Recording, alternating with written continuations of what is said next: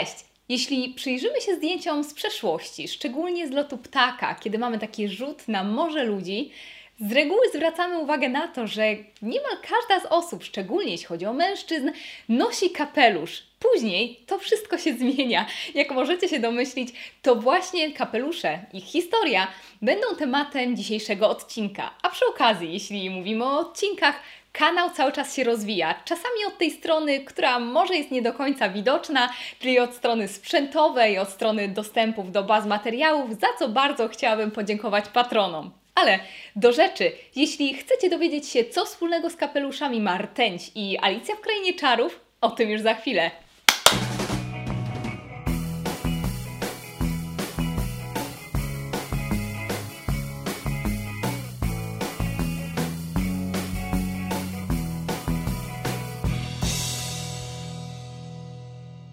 Jeśli mamy pokusić się o odnalezienie przyczyny noszenia kapelusza, oczywiście jest ta pragmatyczna, celem ochrony głowy przed różnymi wypadkami, przed czynnikami atmosferycznymi, ale oczywiście jest też ta druga strona, która nas najbardziej interesuje, czyli jako symbol statusu, jako wyraz autoekspresji, jako dopełnienie stroju. Możemy również spojrzeć na kapelusz od strony nieco bardziej psychologicznej, czyli coś w stylu okularów przeciwsłonecznych, pewnego rodzaju blokada, poczucie bezpieczeństwa i odgrodzenia od ludzi. Możemy również wpleść tutaj wątek religijny, ponieważ wiele religii uznaje zakrywanie włosów za gest związany z pokorą, ze skromnością, a właśnie włosy w takiej nieujarzmionej, naturalnej formie są zarezerwowane dla osób bliskich, no bo są niemalże czymś intymnym. Kapelusze nie zakrywają włosów całkowicie w przeciwieństwie do szali, o których są już wzmianki nawet w asyryjskich tekstach z XIII wieku przed naszą erą, ale to sobie zostawimy na kiedy indziej. Ale wracając do kapeluszy, Diane Crane w swojej książce o społecznych znaczeniach ubioru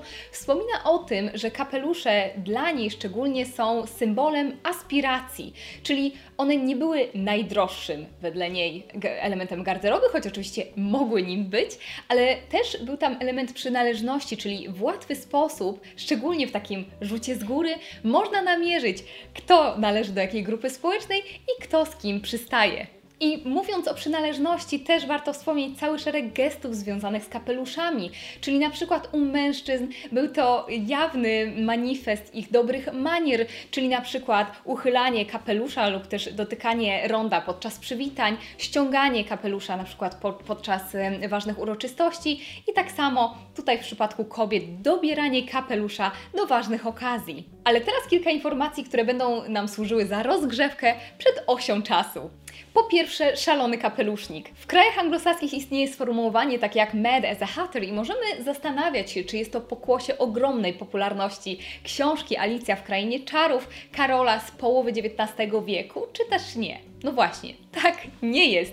Jest to związane z przemysłem kapeluszniczym. To określenie jest związane z metodami stosowanymi w XVIII i XIX wieku przez przemysł kapeluszniczy. Dokładniej chodzi o azotan rtęci.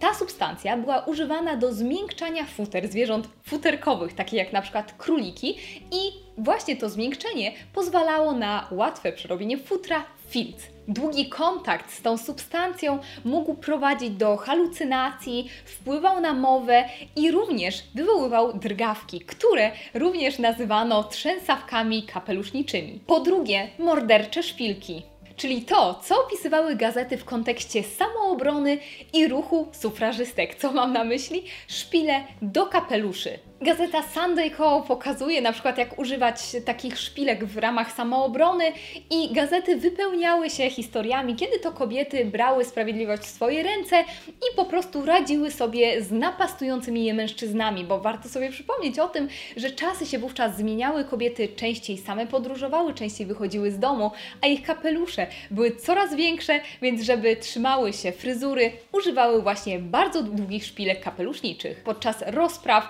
kiedy sufrażystki próbowały walczyć o swoje prawa, niektórzy sędziowie kazali je wyprowadzić ze względu na to, że właśnie miały białą broń w dłoniach. Trzecia ciekawostka jest związana z kobietami z plemion Quechua i Aymara. One bowiem noszą na głowie meloniki. I tutaj legenda mówi, że meloniki wzięły się stąd, że w latach dwudziestych Brytyjczycy pracowali tam na kolei, budowali właśnie kolej w Boliwii, no i wówczas kobiety przejęły właśnie ten zwyczaj. Wiemy już, że nakrycia głowy były widoczne w mniejszym lub większym stopniu niemal od zawsze, ale ja chciałabym się skupić na tym, co jest uznawane za złoty czas dla kapeluszy, jeśli chodzi o kobiety, czyli na wieku XIX i do lat 60. XX wieku. Słowem wstępu powiem tylko, że wiek XIX, jeśli chodzi o kapelusze, jest bardzo mocno zróżnicowany, bardzo rozbudowany, momentami zagmatwany, to wymaga dłuższej formy, ale o tym mam nadzieję opowiem Wam wkrótce. Więc postanowiłam zebrać tutaj prawdziwą esencję i być może łatwiej Wam będzie się w tym wszystkim połapać. Kapelusze powiększały się, zmniejszały, zmieniały swoją formę zupełnie tak jak suknie, czyli tutaj moda oczywiście obejmuje również kapelusze i bardzo podoba mi się anegdota związana z bojem żeleńskim, który właśnie w momencie momencie, kiedy kapelusze były ogromne, potrafił zwracać kobietom uwagę, mówiąc: Przepraszam, ale pani kapelusz blokuje wejście do pokoju. Na początku XIX wieku pojawił się czepiec. Czepiec może być kojarzony z e, symbolem skromnej, starszej nobliwości, ale wówczas był również zdobnym, ale przy okazji praktycznym elementem ubioru. Czepiec bywał również traktowany jako pewnego rodzaju symbol dorosłości.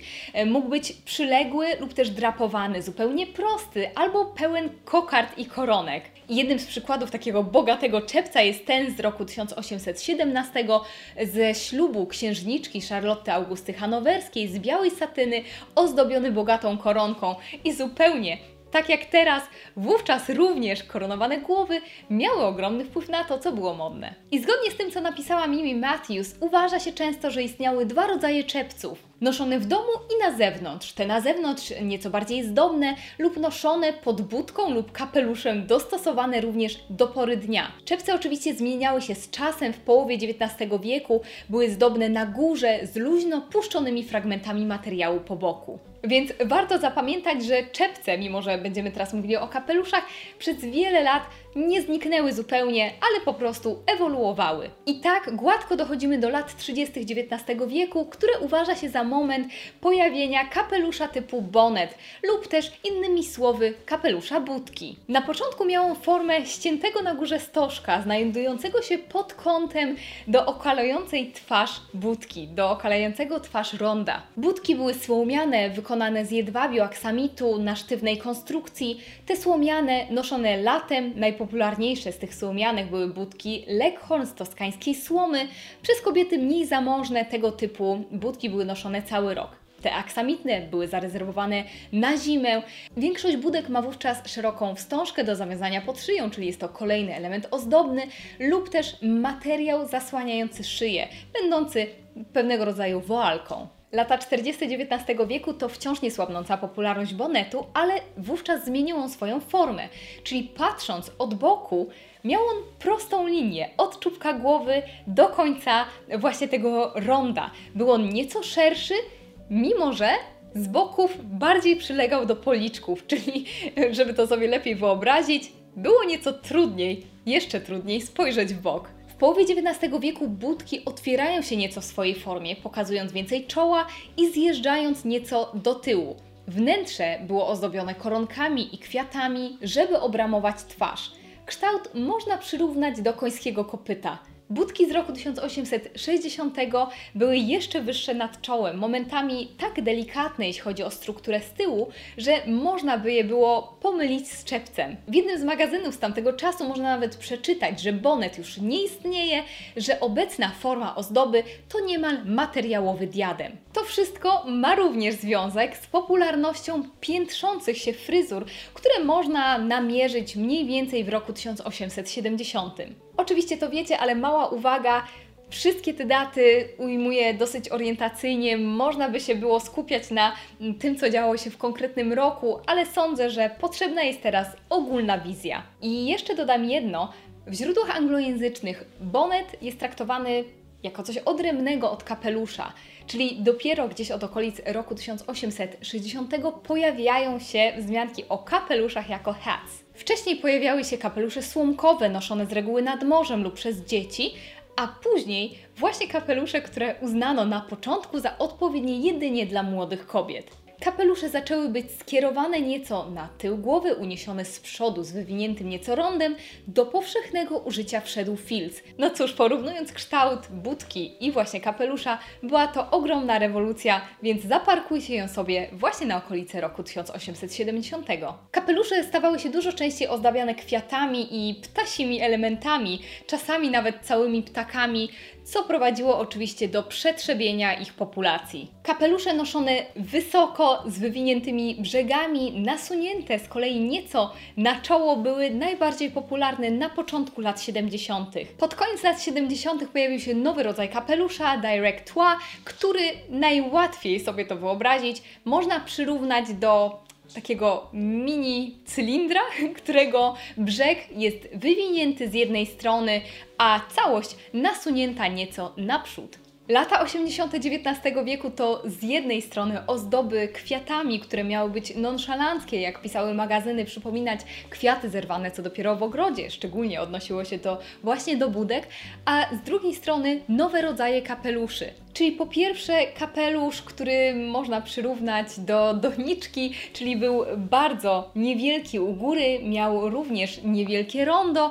ale był dosyć mocno ozdobny i po prostu był jakby zatknięty na całą, dosyć mocno skomplikowaną fryzurę. I jeszcze jeden ważny kapelusz, Gainsborough, czyli kapelusz, gdzie po prostu jedna strona była wywinięta, a druga nieco opadała. Pod koniec XIX wieku budki zaczęto uważać za element garderoby zarezerwowany raczej dla pań w średnim wieku. Ostatnia dekada XIX wieku to kapelusze bardzo dekoracyjne, często również z nieco szerszym rondem, tak aby było widać co jest pod nim, a to, co pod nim było również ozdobne. Wciąż był modny kształt marynarski, była również moda na jeden wysoki element w kapeluszu, jak na przykład asymetryczne pióra. Na jesień i zimę proponowano również woalki. Tę dekadę uznaje się również za moment, kiedy pojawiło się naprawdę bardzo dużo rodzajów kapeluszy. Można namierzyć tendencje, ale nie ma jednego motywu przewodniego. Często również pojawiały się kapelusze z płaskim, niewielkim rondem, ale właśnie bardzo, bardzo bogato zdobione. I tak dochodzimy do wieku XX i momentu, gdzie Coco Chanel nazywała kapelusze ptasimi gniazdami, bo były największe i chyba naprawdę najbardziej kojarzone z tym momentem, kiedy po raz ostatni, wedle z kolei Diora, kobiety faktycznie mogły celebrować modę. Tego rodzaju kapelusze w źródłach anglojęzycznych nazywane są picture hats, ponieważ one właśnie mają obramować całą głowę dokładnie tak jak rama obrazu. I tutaj na przykład pojawiły się kapelusze wesołej wdówki, ogromne rondo, bardzo wysokie. Popularnym elementem były strusie pióra, dołóżmy do tego jeszcze fryzury w stylu pompadour. Już wiemy dlaczego potrzebne były szpilki do kapeluszy, więc naprawdę one były zwieńczeniem kreacji nowej sylwetki, która z kolei wyginała się w kształt litery S. Pojawiały się również kapelusze w stylu muszkieterskim, asymetrycznie nałożone, ozdobione szalami, kwiatami. Tutaj szczególnie warto podkreślić, bo ze względu na rozmiar kapeluszy zużywano tak dużo piór, że wiele ptaków było faktycznie zagrożonych, powstawały nawet towarzystwa mające na celu ich ochronę. I powoli pojawiały się również turbany i od okolic roku 1913 można powiedzieć, że kapelusze się nieco zmniejszały i zwiastowały coś zupełnie nowego a mianowicie lata 20, czyli erę kapelusza klosza. I ten nowy rodzaj kapelusza jest związany z domem mody Lanvin, ponieważ ona dała kobietom uciekającym od ciężkości poprzednich dekad projekt, który zdefiniował styl nakryć głowy na ponad 10 lat i po prostu nadążał za ich trybem życia.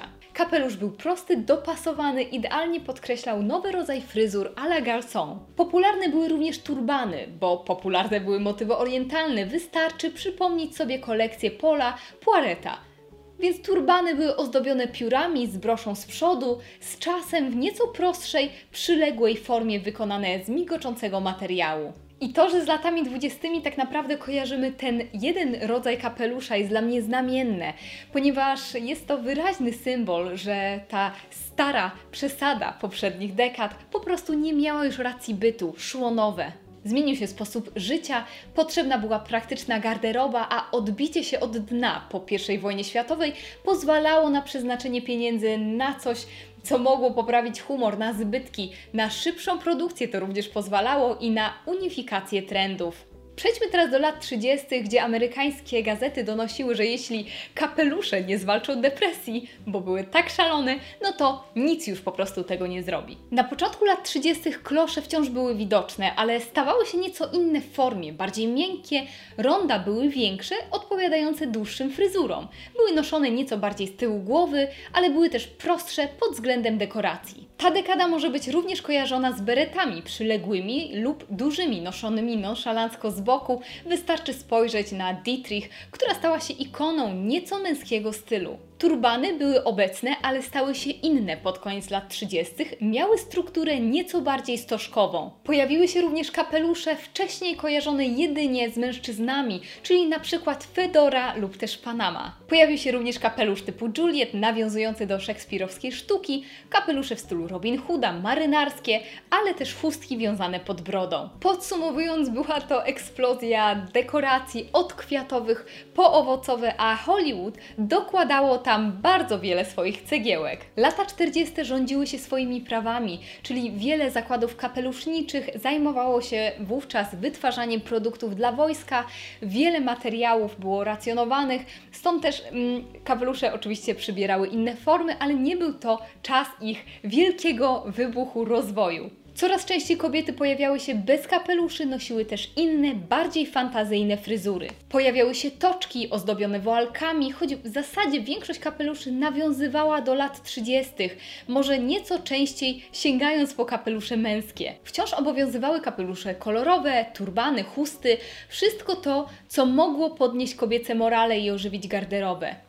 Czyli być może nie był to czas ogromnych innowacji, ale był to czas, kiedy kapelusze były uznawane za szczególnie ważne. Berety były wciąż modne, ale nieco w innym ujęciu, bo były większe i wyższe. Pojawiły się też siatki na włosy, chustki wiązane dookoła głowy, tu kłaniają się oczywiście względy praktyczne. Mimo tego, że pojawiały się kapeluszy typu kalot, czyli tak naprawdę jedynie utrzymywane wsówkami z tyłu głowy, wszystko to, co najważniejsze, działo się u góry i z przodu, a najprostszym wariantem ozdoby były po prostu kwiaty we włosach. Lata 50., podążając za logiką New Look, były czasem, kiedy kobiety mogły sobie w końcu pozwolić na powojenne odbicie, a więc kapelusze stawały się coraz bardziej eleganckie, wytworne. Kapelusze miały dopełniać całość stylizacji, coraz częściej kobiety miały więcej kapeluszy, no bo znowu tutaj ruszała nieco bardziej masowa i tańsza produkcja. Kapelusze były nieco mniejsze, ale wciąż ozdobne.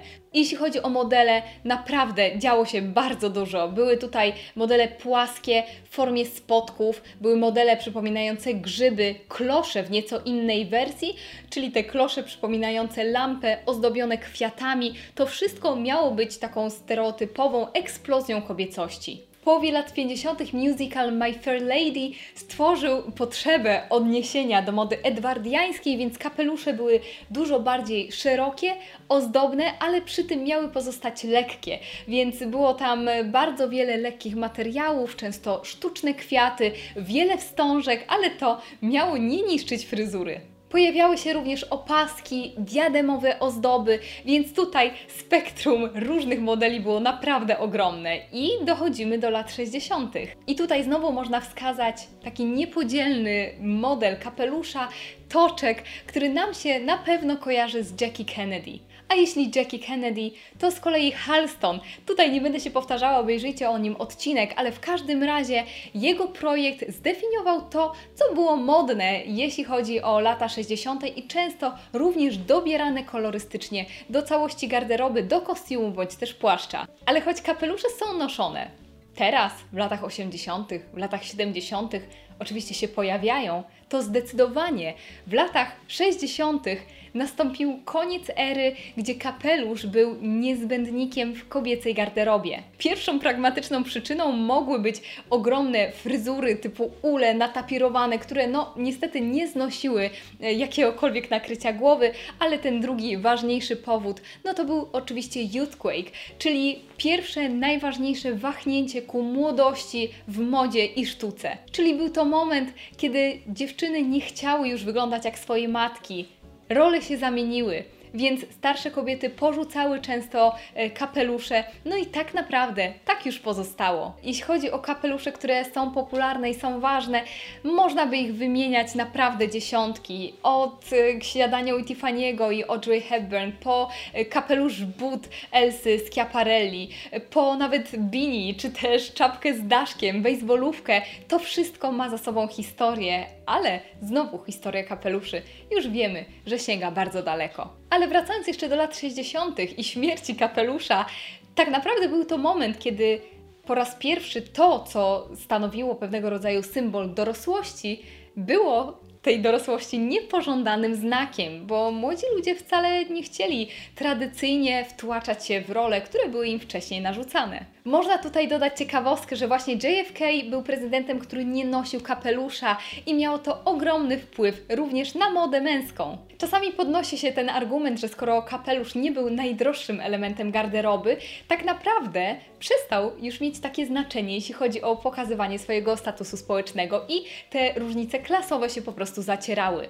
Ale jeśli chodzi jeszcze o śmierć kapeluszy Youthquake, to jedno, a dwa, kapelusz też stracił tę swoją ochronną funkcję, ponieważ coraz częściej ludzie podróżowali po prostu samochodami, więc kapelusz nie był już takim niezbędnikiem, jeśli chodzi o przechadzanie się po mieście. A odnośnie reszty przyczyn, odsyłam Was do filmu Karoliny Żebrowskiej, link znajdziecie w opisie. To tyle, jeśli chodzi o ten odcinek. Jestem bardzo ciekawa Waszych odczuć odnośnie kapeluszy. Czy je nosicie, lub też które z tych historycznych są Waszymi ulubionymi. Ja, szczerze mówiąc, naprawdę lubię sięgać po kapelusze, ale najczęściej robię to w miesiącach jesiennych. Temat jest bardzo rozbudowany, tak naprawdę można by każdej dekadzie poświęcić osobny odcinek, co może jest jakimś pomysłem, ale mam nadzieję, że udało mi się zapewnić Wam jakieś w miarę zrozumiałe tło. Dajcie mi znać, co myślicie w sekcji komentarzy na dole. Każdy komentarz czytam, na każdy staram się odpowiadać.